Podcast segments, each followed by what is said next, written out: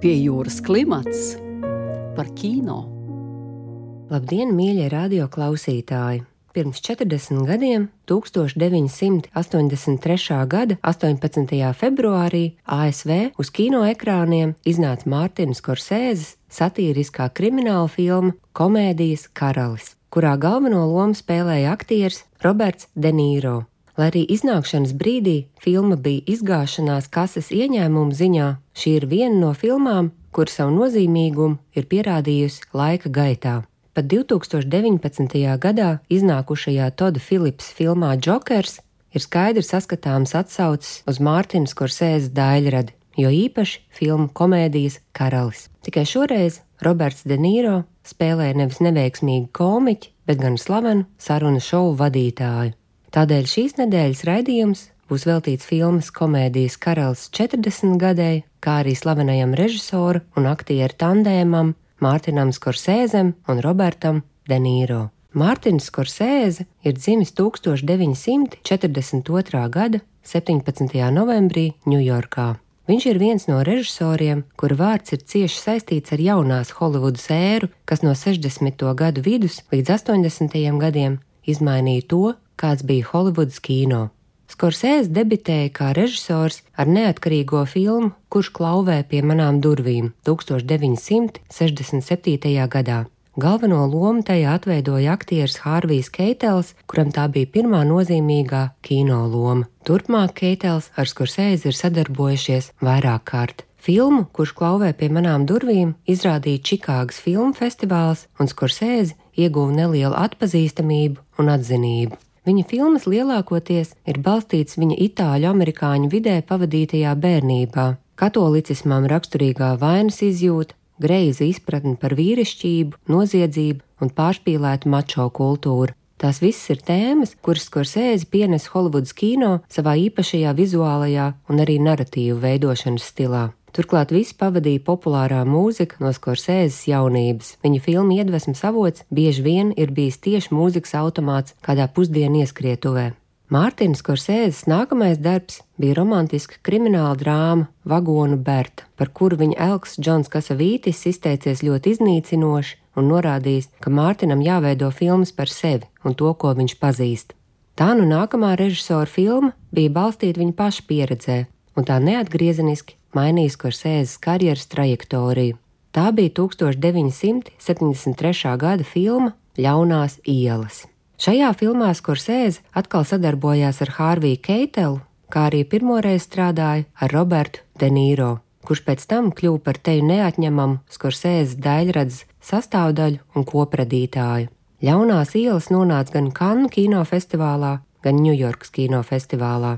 1978. gadā Dika Kavets šovā viesojās režisori Brians De Palma un Mārtiņš Skorsēze, un Skorsēze atklāja, ka tieši De Palma ir tas, kurš atklāja Robertu De Niro un abus iepazīstināja. Diks Kavets, kurš pirmais ieraudzīja Denīro. Kad viņš atnāca uz aktieru atlases pie tevis, Brian, es saprotu, ka tas bija atvērtais kastings. Kā saka, viņš bija aktieris no ielas. Vai viņš bija iespaidīgs jau no pirmā brīža? De Palma.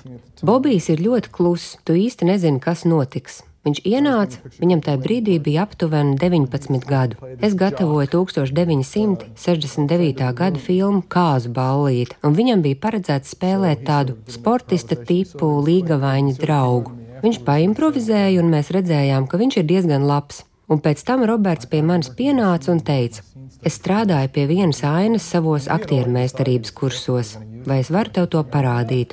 Un es jau biju nolēmis, ka viņš ir lielisks un ka mēs viņu izmantosim, tāpēc es teicu, jā, kāpēc ne? Viņš paziņoja, ka viņam vajadzēs pāris minūtes un izgāja laukā. Un es tur sēžu, paiet 5, 10 minūtes, un es jau nodomāju, ka viņš ir aizgājis. Bet tad viņš ienāk un viņš spēlē tādu kā arotbiedrības līderi streika laikā, un viņš ir kā leģendārais aktieris Līdžejs Kops.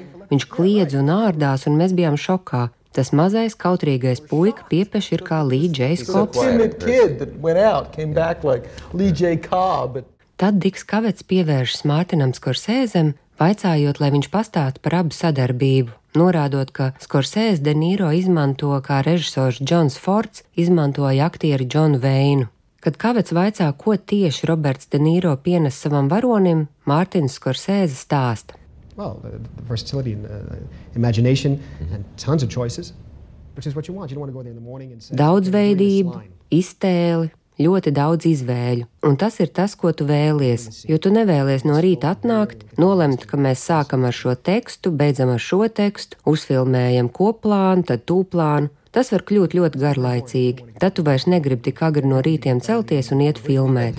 Izvēles nozīmē, ka Danīro piedāvā, es varu izdarīt šādi, ja tu vēlies, vai arī šādi. Bet vispār man ir ideja, ko es tev gribu parādīt, un es tev nemaz neteikšu, ko es darīšu. Un kad Denīro pasaka tā, tas ir brīdis, kad es noteikti filmēju, jo tas ir brīdis, kad notiek kaut kas eksplozīvs. Yeah. Lai arī Diks Kavets piebilst, ka tas ir kas tāds, kas agrāk vecajos laikos mēdza sadusmot režisors, Skorsēze norāda, ka Denīro viņu tiešām reizēm mēdzot no sirds pārsteigt. Brains de Palma piekrīt un papildina, ka viņš nekad neizdarot paredzamas izvēles. Šo apgalvojumu Skorsēze papildina ar anekdoti no 1977. gada filmas New York filmēšanas procesa. Denīro kādas ainas laikā, jokojot, esot mēģinājis apstādināt vilcienu, un Skorsēzem tas šķits tik smieklīgi, ka režisors teica, lai tas paliek filmā. Pie jūras klimats par kino. Nākamā Mārtiņa Skorsēzes filma bija 1974. gada aizkustinošā komēdija drāma Alise šeit vairs nedzīvo bet 1976. gadā iznāca viena no nozīmīgākajām režisora filmām - Taksists, kura saņēma zelta palmas zaru Kannu kinofestivālā un tika nominēta četrām Oskara balvām. Roberts De Nīro bija nominēts kā labākais aktieris, taču iepriekšējā gadā jau bija saņēmis prestižu apbalvojumu, kā labākais otrā plāna aktieris leģendārajā Francis Forda Kopols filmā Krustēvs 2. Pēc taksista Skorsēze un Denīro sadarbojās trīs projektos pēc kārtas. Nākamais abu kopdarbs bija 1977. gada muzikālā drāma New York, New York, kurā Denīro spēlēja iepratim mūziklu leģendai Laizai Minēlī. Diemžēl filma savā iznākšanas brīdī mulsināja kritiķus, tā tika uzskatīta par pārāk garu un tika pārmontēta, un beigu beigās nebija arī finansiāla veiksme taču jau nākamā abu sadarbība atkal bija veiksmīga. 1980. gada boxa drāma Satrakotais vērsis saņēma astoņas nominācijas Oskara balvai, un Roberts De Nīro saņēma statueti kā labākais aktieris. Nākamais abu koprojekts bija 1983. gada melnā satīriskā komēdija Komēdijas karalis, kuras ceļš līdz ekrāniem bija ilgs bet ceļš līdz kritiķu un skatītāju atzinībai vēl ilgāks. Pie jūras klimats par kino.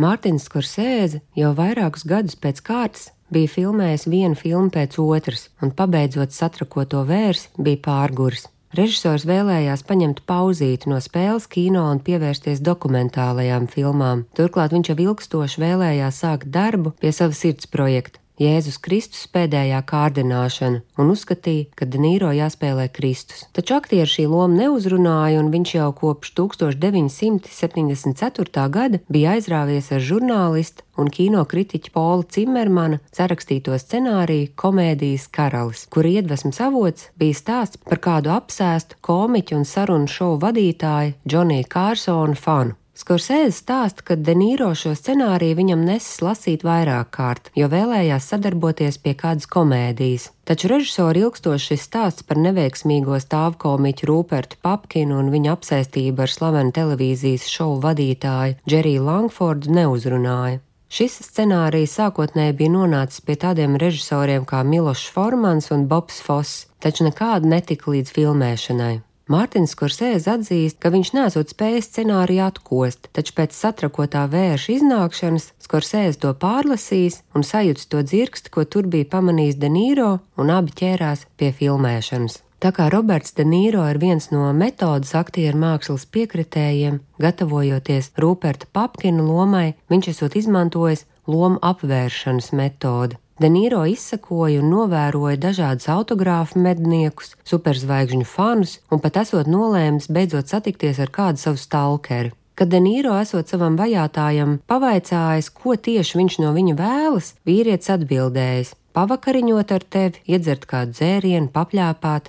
Mana mamma lūdza tevi pasveicināt. Tāpat arī Denīro esot staigājis pa dažādiem komēdiju klubiem un vērojis stāvkomiķus. Nākamais uzdevums bija atrast pareizo vizuālo tēlu Rūperta Papkina varonim, un izrādās, ka iedvesmas avots bijis kāds manekens uzvalku veikalā. Denīro un Skorsēze no tā paņēmuši ne tikai kostīmu prototipu, bet pat Papkina matu sakārtojumu un mazās ūsiņas. Sarežģītāks uzdevums bija atrast Ruperta Papkina apsēstības objektu. Skorsēzes sākotnēji vēlējies šo lomu uzticēt pašam Džonijam Kārsonam, taču tad pievērsies slavenajiem Redpack dalībniekiem Frankam Sinatram, Semijam Deivisam junioram un Dīnam Mārtinam taču beigās izvēle nonākusi pie Džerija Lūisa. Skorsēze uzsver, ka šī bijusi negaidīta veiksmīga sadarbība. Lūis pats ieteica savu varoni pārsaukt viņu vārdā par Džeriju, jo cilvēku uz ielas viņu bieži sveicinot, kas palīdzēja arī filmēšanas procesā.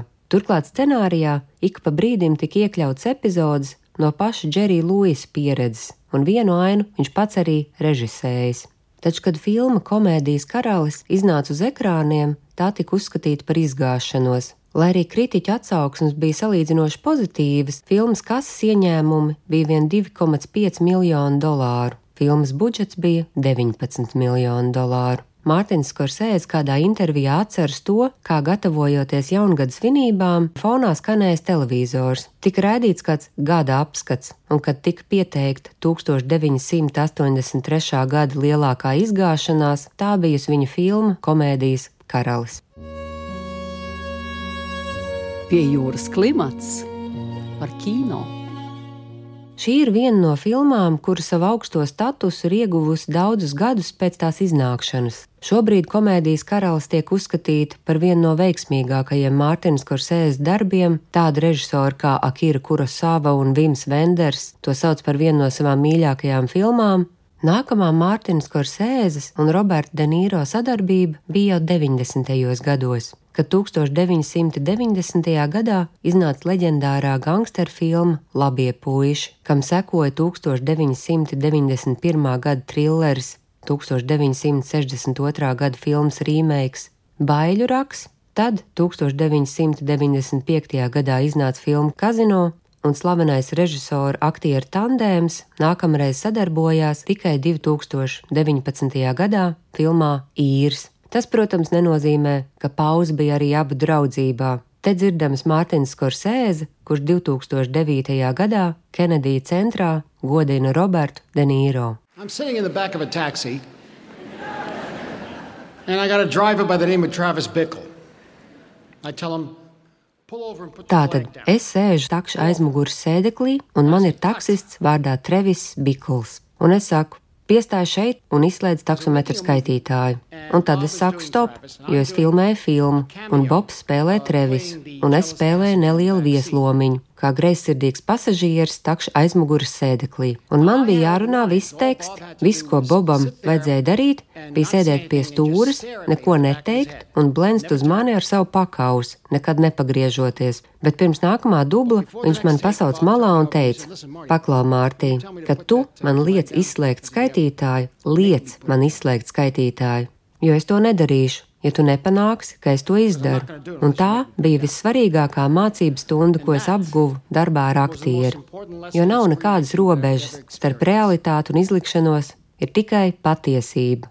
Un neviens šo patiesību neatrod labāk kā Roberts Denīro. Lai arī Mārtiņš Skorsēze ir viens no slavenākajiem un nozīmīgākajiem amerikāņu kino režisoriem, viņš ir saņēmis tikai vienu Oskara balvu kā labākais režisors, par spīti tam, ka šajā nominācijā ticis nominēts deviņas reizes, un viņa pirmais Oskars atnāca tikai 2007. gadā par filmu Atkritēju. Pie jūras klimats par kino.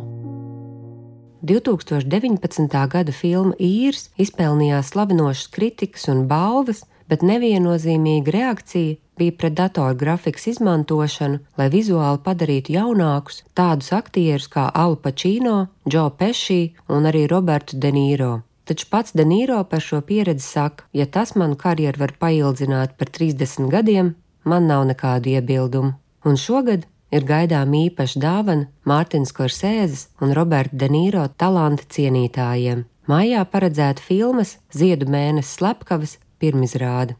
Tas reizē westerns un krimināla drāma, un aktieru ansamblī redzēsim gan Robertu De Niro, gan Leonardo DiCaprio, gan Brendanu Freizeru.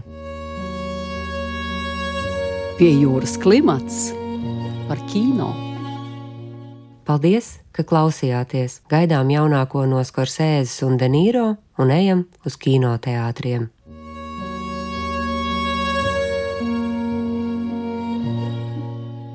Raidījumu vadīja Marta Elīna Martinsone, montēja Andra Černievska.